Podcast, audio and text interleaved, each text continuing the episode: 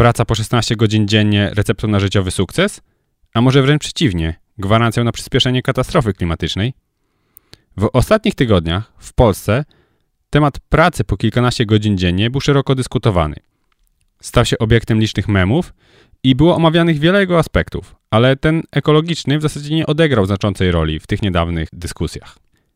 A jest on niezmiernie istotny, bo choć może się to wydawać nieoczywiste, skrócenie czasu pracy i to nie z 16 godzin dziennie, ale nawet grubo poniżej 8 godzin, to jeden z najlepszych sposobów na zmniejszenie naszych emisji gazów cieplarnianych.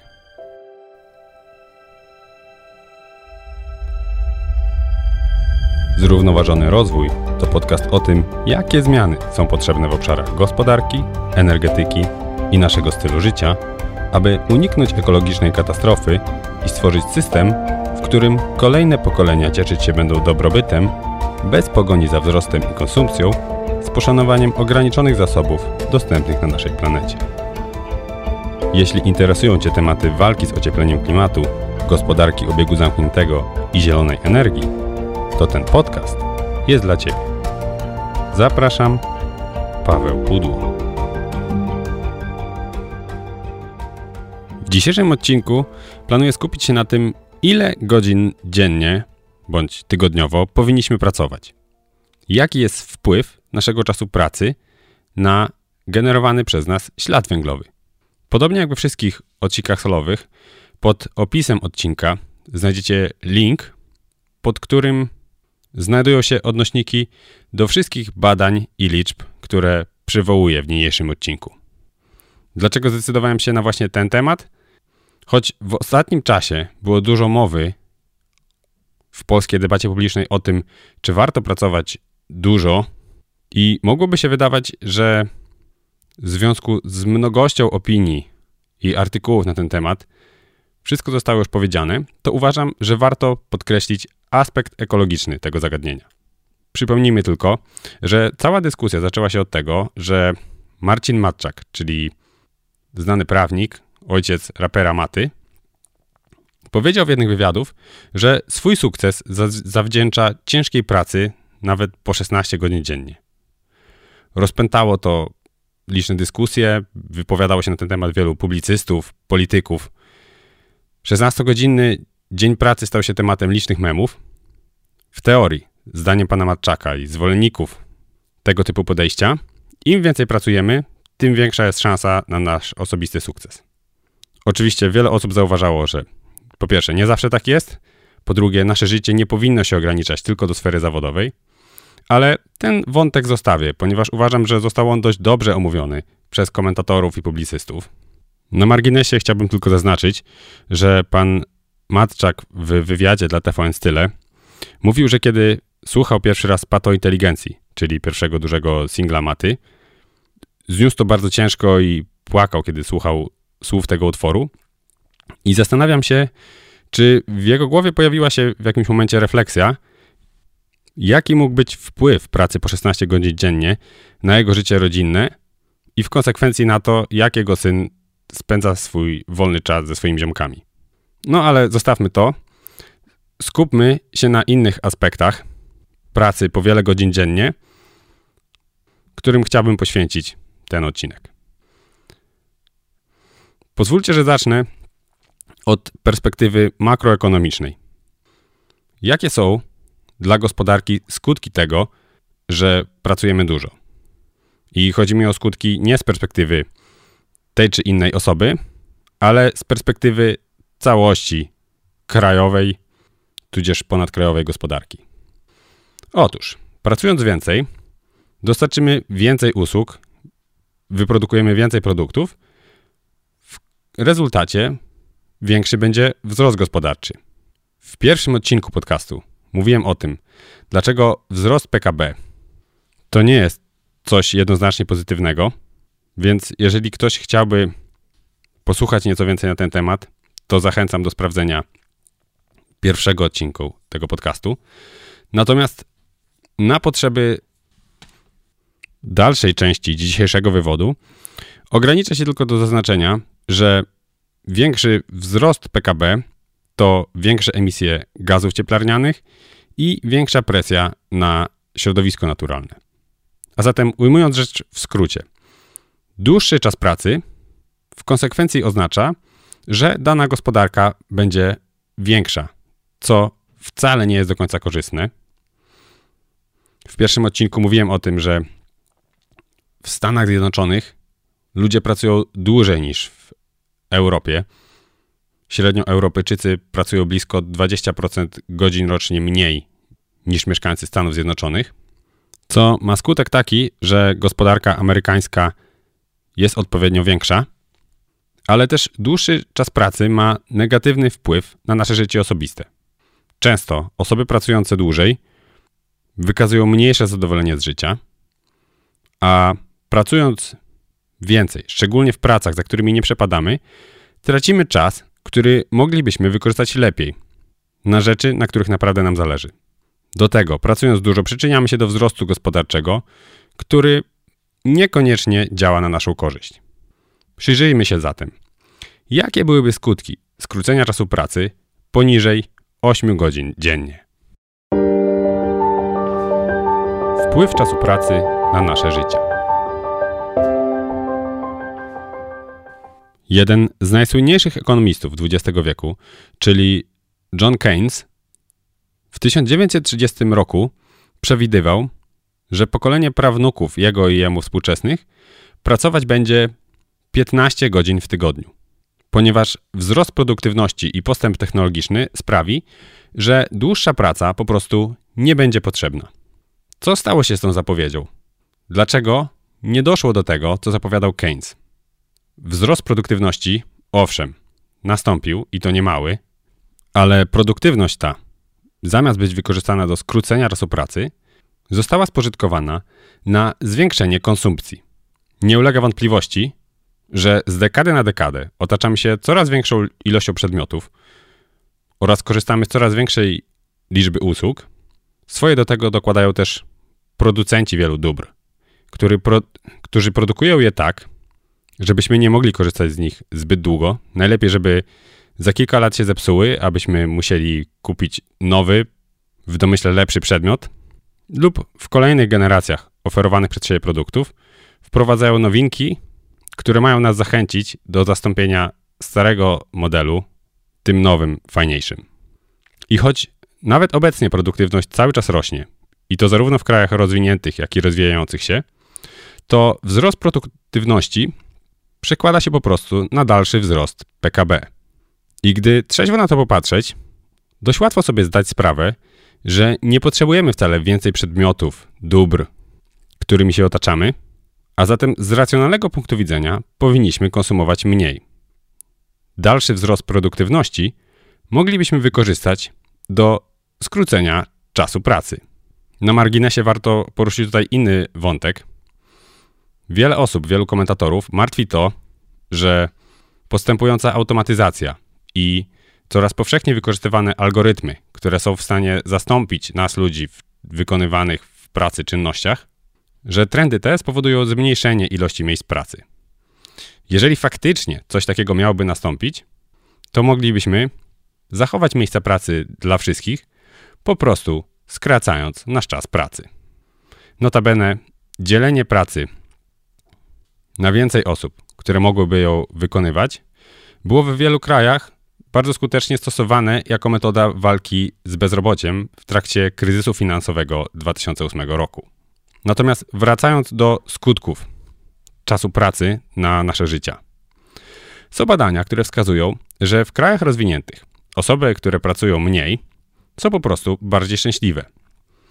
Nasz dobrostan w subiektywnej ocenie bardzo często uzależniamy od tego, jaką ilością wolnego czasu dysponujemy.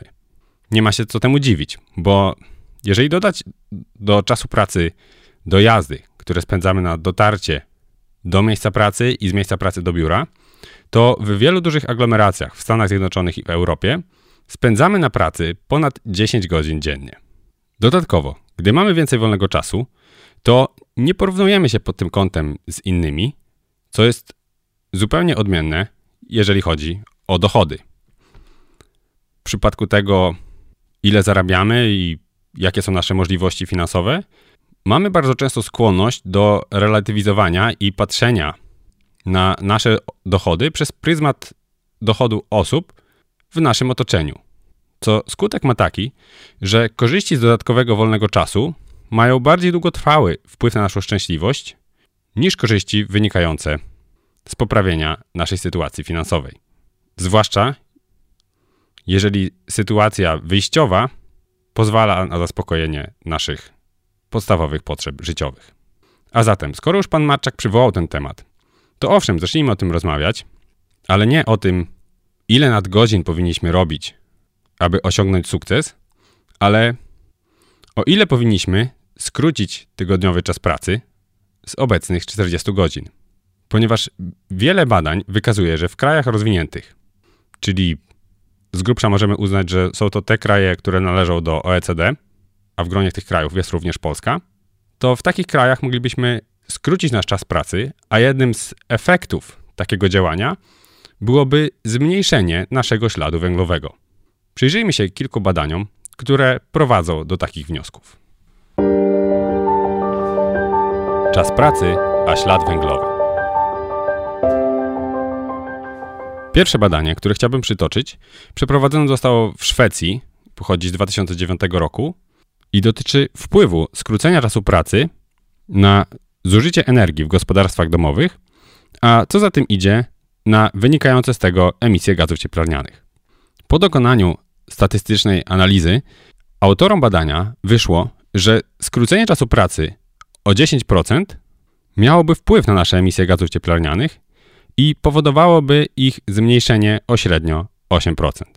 Inne badanie, również dotyczące gospodarstw domowych, tyle że we Francji, wykazało korelację pomiędzy wysoką ilością godzin pracy wykonywanych przez członków danych gospodarstw domowych, a, a takimi rzeczami jak wielkością domów i mieszkań użytkowanych przez dane gospodarstwa domowe, a jednym ze skutków zamieszkiwania większego domu lub mieszkania jest większe zużycie energii. Pozytywną korelację stwierdzono też pomiędzy nawykami żywieniowymi oraz transportowymi, wiążącymi się z, większymi emisjami, a właśnie ilością godzin pracy.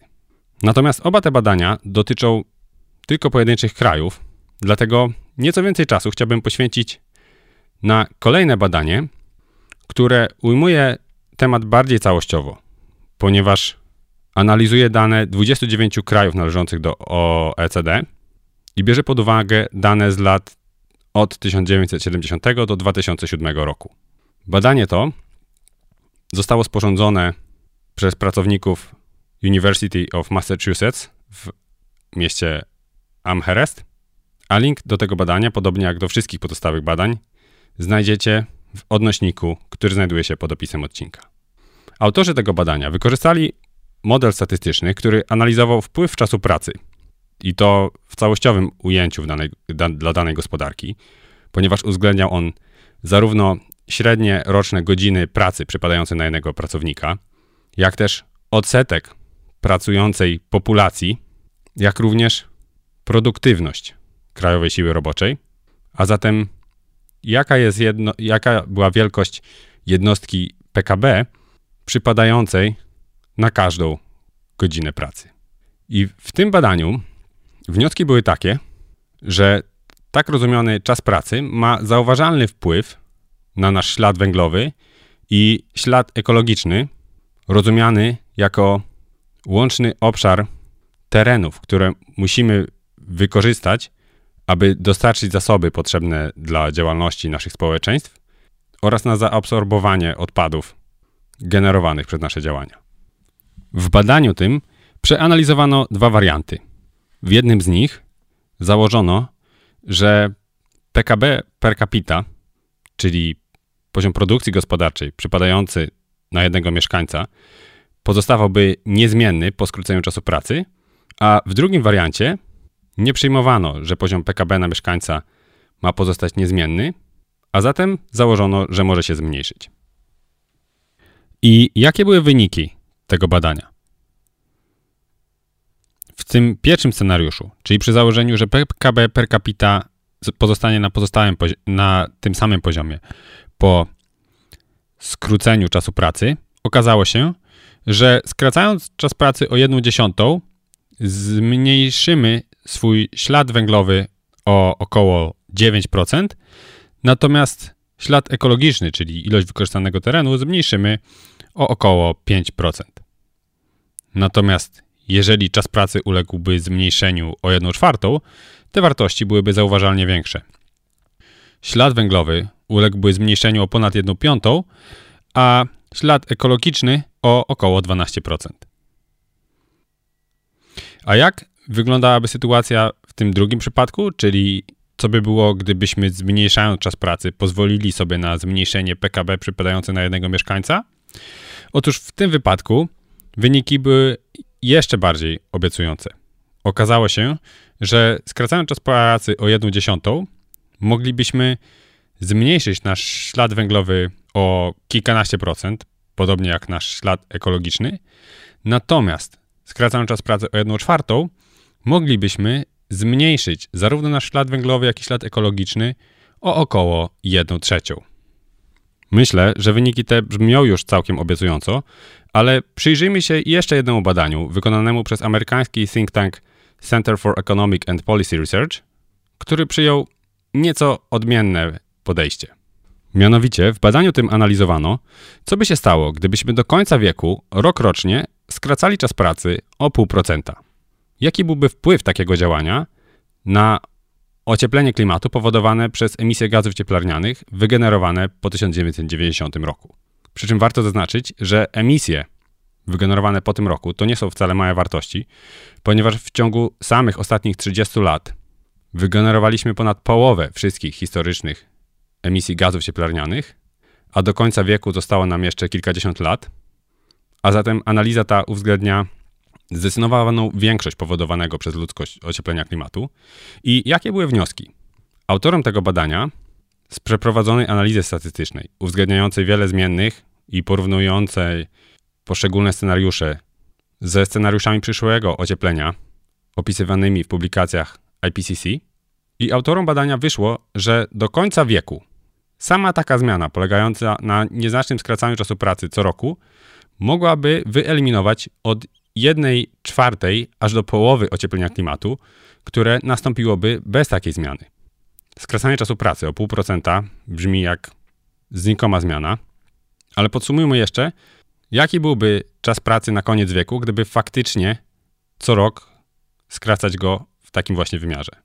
Rezultat byłby taki, że w 2100 roku pracowalibyśmy o około 1 trzecią krócej niż obecnie, czyli w Polsce zamiast 40 godzin spędzilibyśmy w pracy około 26 godzin tygodniowo.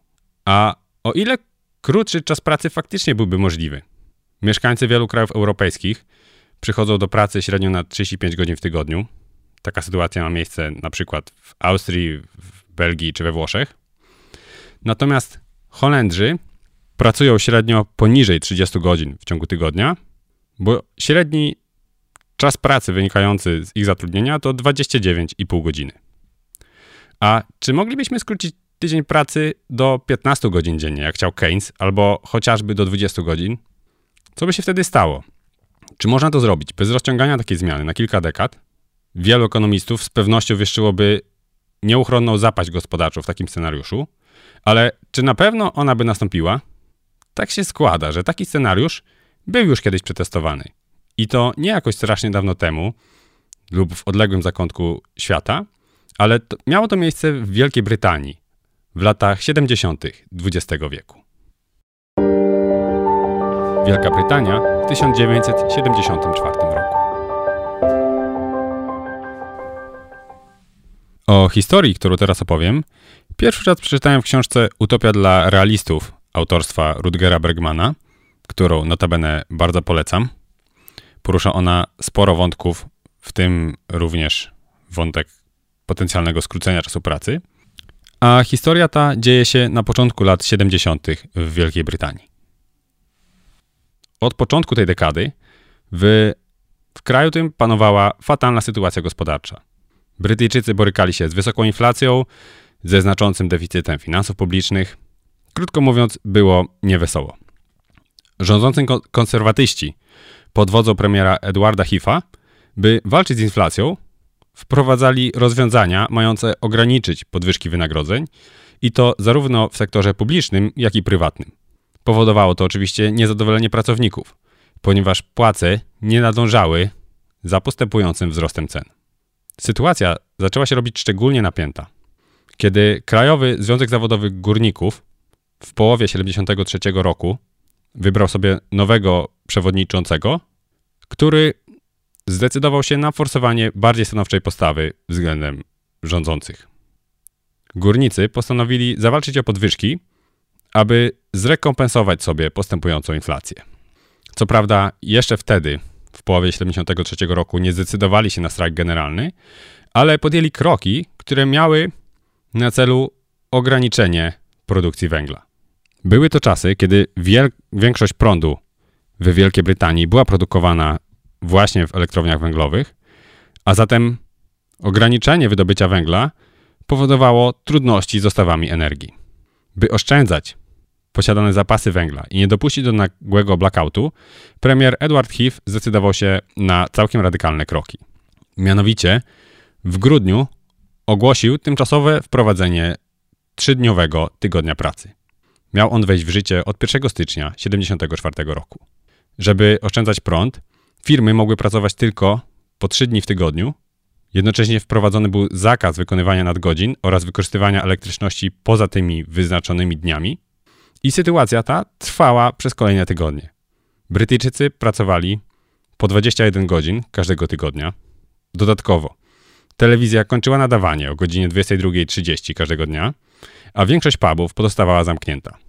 24 stycznia, aby zwiększyć presję na rząd, górnicy zdecydowali się ostatecznie na strajk generalny. Miał on zostać rozpoczęty 5 lutego. 7 lutego Edward Heath zarządził wybory parlamentarne. Korzystał z prerogatywy, która przysługuje brytyjskiemu premierowi, który w tamtym systemie politycznym może rozpisać wybory w dowolnym momencie trwania kadencji parlamentu. I Heath liczył na to, że opinia publiczna która była niezbyt przychylna działaniom górników, stanie po jego stronie i zapewni mu zdecydowane zwycięstwo.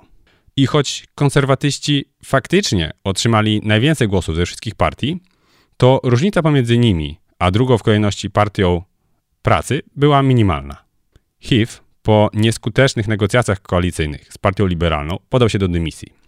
W rezultacie 4 marca Harold Wilson z Partii Pracy stanął na czele rządu mniejszościowego już kilka dni później, bo 8 marca zawarł on porozumienie ze związkowcami, zapewniając im podwyżkę płac o 35%. Tym samym przywrócono pięciodniowy tydzień pracy. I jaki był bilans tej całej sytuacji? Wielu komentatorów i analityków spodziewało się totalnego spustoszenia gospodarczego w tym czasie. Ale ku zaskoczeniu wszystkich, po przeanalizowaniu danych ekonomicznych, okazało się, że produkcja przemysłowa spadła tylko o 6%. Jak widzimy, ten spadek produkcji nie był wcale znaczący. A przecież Brytyjczycy pracowali niemalże o połowę krócej niż normalnie. Można by zapytać, dlaczego? Dlaczego efekt tej sytuacji był tak mało znaczący? Zapewne wynika to z faktu, że 40-godzinny tydzień pracy nie jest wcale optymalny z punktu widzenia produktywności. W praktyce mamy całkiem liczne przykłady, że pewne ograniczenie ilości godzin pracy skutkuje wręcz wzrostem produktywności bądź utrzymaniem dotychczasowej, w rozumieniu, że w krótszym czasie udaje się wykonać tą samą pracę, co w dotychczasowym czasie pracy. Przykłady? Weźmy chociażby to, co zrobił Microsoft dla swoich pracowników w Japonii w 2019 roku, a mianowicie wprowadził pilotażowy projekt, który polegał na tym, że przez kilka tygodni pracownicy mieli wolne piątki. Rezultaty mogły się wydać zaskakujące, ponieważ pracownicy nie tylko byli bardziej szczęśliwi, ale też ich produktywność wzrosła o zaskakujące 40%. Zużycie elektryczności w biurach spadło o 1 czwartą, a ilość zadrukowanego przez pracowników papieru o 60%. Warto dodać, że Microsoft nie był pierwszą firmą, która wprowadziła tego typu pilotażowy projekt.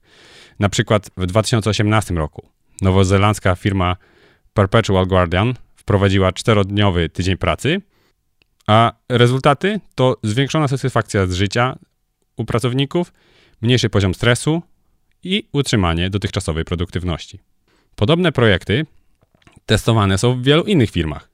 Na przykład w zeszłym roku, również w Nowej Zelandii, Unilever dla tamtejszych pracowników prowadził, prowadził czterodniowy tydzień pracy, który obowiązywać ma testowo od grudnia 2020 roku przez kolejny rok. Innym przykładem jest odzieżowa firma Desigual, która również zdecydowała się na wprowadzenie czterodniowego tygodnia pracy, lub firma Venture Capital Uncharted, która zdecydowała się na identyczny krok. Kolejne firmy stopniowo idą w ślady tych powyższych. Na przykład w październiku Bolt zdecydował się na trzy kolejne miesiące wprowadzić testowo czterodniowy tydzień pracy dla swoich pracowników. I patrząc na te pilotażowe projekty w różnych firmach, wszystko wskazuje na to, że skrócenie pracu, czasu pracy o kilka godzin lub o jeden dzień w tygodniu nie obniżyłoby wcale naszej produktywności, gdyż bylibyśmy wykonywać w stanie tą samą pracę, po prostu krócej, ani też nie wpłynęłoby negatywnie na wartość PKB. Przy czym tak naprawdę, biorąc pod uwagę, jakie są implikacje nieustannego wzrostu gospodarczego, tak naprawdę nie powinno nam w sumie zależeć na utrzymaniu dotychczasowego PKB przy obniżaniu godzin pracy, ale skracanie czasu pracy mogłoby służyć celowemu zmniejszeniu PKB, co przeprowadzone w przemyślany sposób pomogłoby nam utrzymać dotychczasowy dobrobyt, a jednocześnie zmniejszyć niepotrzebną konsumpcję.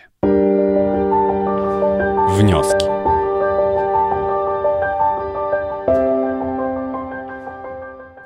Całkiem budujące jest to, że nie tylko w poszczególnych firmach, ale też w wielu krajach są wprowadzone kroki, które mają na celu przeanalizowanie, jak krótszy tydzień pracy działałby w praktyce i jakie miałby skutki. Przykładowo, Szkocja rozpoczęła niedawno pilotażowy czterodniowy tydzień pracy dla pewnej grupy ludności, przy czym ludzie pracują jeden dzień mniej, ale zachowują dotychczasowe zarobki. Podobny pilotażowy projekt trwa również w Hiszpanii, ale też wspomniana przed chwilą Nowa Zelandia rozważa pomysł wprowadzenia czterodniowego tygodnia pracy. Temat ten trafia na, trafia na tapet również tam, gdzie ludzie pracują naprawdę dużo. Na przykład w Stanach Zjednoczonych kongresmen z Kalifornii, Mark Tecano, przedstawiciel Partii Demokratycznej, wniósł niedawno projekt ustawy mającej na celu skrócenie tygodnia pracy do 32 godzin tygodniowo.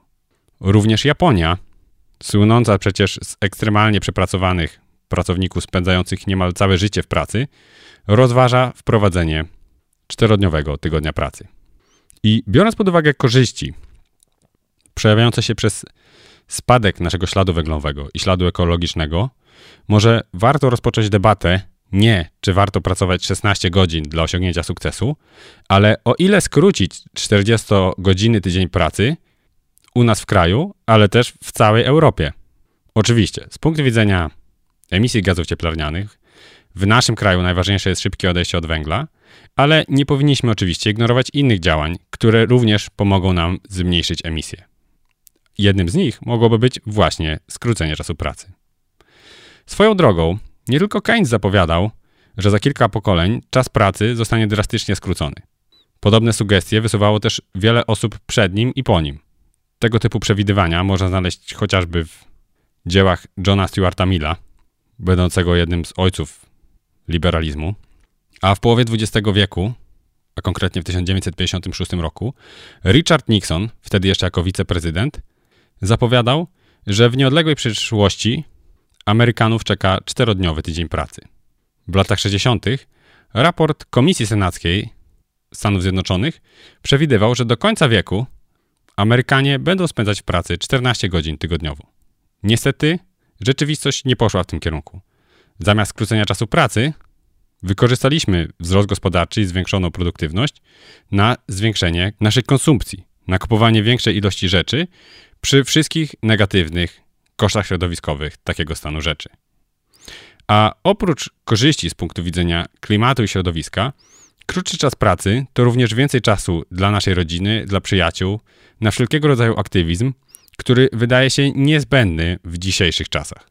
A zatem skrócenie czasu pracy to byłaby jedna z tych zmian, która nie dość, że pomogłaby nam zmniejszyć ciśnienie na konsumpcję, to w zamian mogłaby nam umożliwić spędzanie większej ilości czasu z naszymi bliskimi, a także działać w większym wymiarze na rzecz społeczności, w której żyjemy. Są to często te aktywności, na które nie mamy czasu i energii, gdy spędzamy w pracy 40 godzin w tygodniu, plus dodatkowo spędzamy czas na dojazdach. Radykalne skrócenie czasu pracy może się wydawać wielu osobom szalone, ale szalonym też wydawał się jego współczesnym Henry Ford, kiedy w 1926 roku wprowadził pięciodniowy tydzień pracy. Niewiele później wszyscy poszli w jego ślady. I już wtedy ostrzegano, że skrócenie czasu pracy doprowadzi gospodarkę do ruiny, to oczywiście nic takiego się nie stało. Dlatego nie dajmy zbyt pochopnie wiary, gdy ktoś również dziś reaguje panicznie na propozycję znaczącego skrócenia czasu, który tygodniowo lub rocznie spędzamy pracując. A zatem, skoro pracując 4 dni możemy być tak samo produktywni, to jeżeli dodamy do tego również cel przemyślanego zmniejszenia PKB, to zapewne moglibyśmy pracować, nie wiem, połowę tego co teraz, a kiedyś w przyszłości jeszcze mniej. Musimy oczywiście myśleć o tym, jak zapewnić odpowiedni poziom życia tym osobom, które obecnie nie mogą sobie pozwolić na pracowanie mniej, bo chcą po prostu wiązać koniec z końcem, a które stanowią niemałą grupę w krajach o dużych różnicach majątkowych. Ale to już jest temat na osobny odcinek, a jeżeli chodzi o dziś, to chciałbym w tym miejscu postawić kropkę. Jeżeli uważacie, że to, co usłyszeliście w tym odcinku jest wartościowe, zachęcam Was do szerowania go bądź wysyłania go osobom, których może on zainteresować. Pomoże mi to dotrzeć z moim podcastem do dodatkowych odbiorców. A im więcej osób uważa krótszy dzień pracy za sensowny i oczekiwany, tym większa szansa, że zostanie on w końcu wprowadzony. Zachęcam też Was, drodzy słuchacze i słuchaczki, do kontaktu. Jeżeli macie jakieś uwagi do podcastu lub chcielibyście się podzielić swoimi przemyśleniami na któryś z tematów poruszanych w dotychczasowych odcinkach, to na mojej stronie www.zrównoważonyrozwój.org, pisane oczywiście bez polskich znaków, znajdziecie kontakt mailowy do mnie oraz linki do moich profili w mediach społecznościowych. Na dziś to tyle. Do usłyszenia w kolejnym odcinku.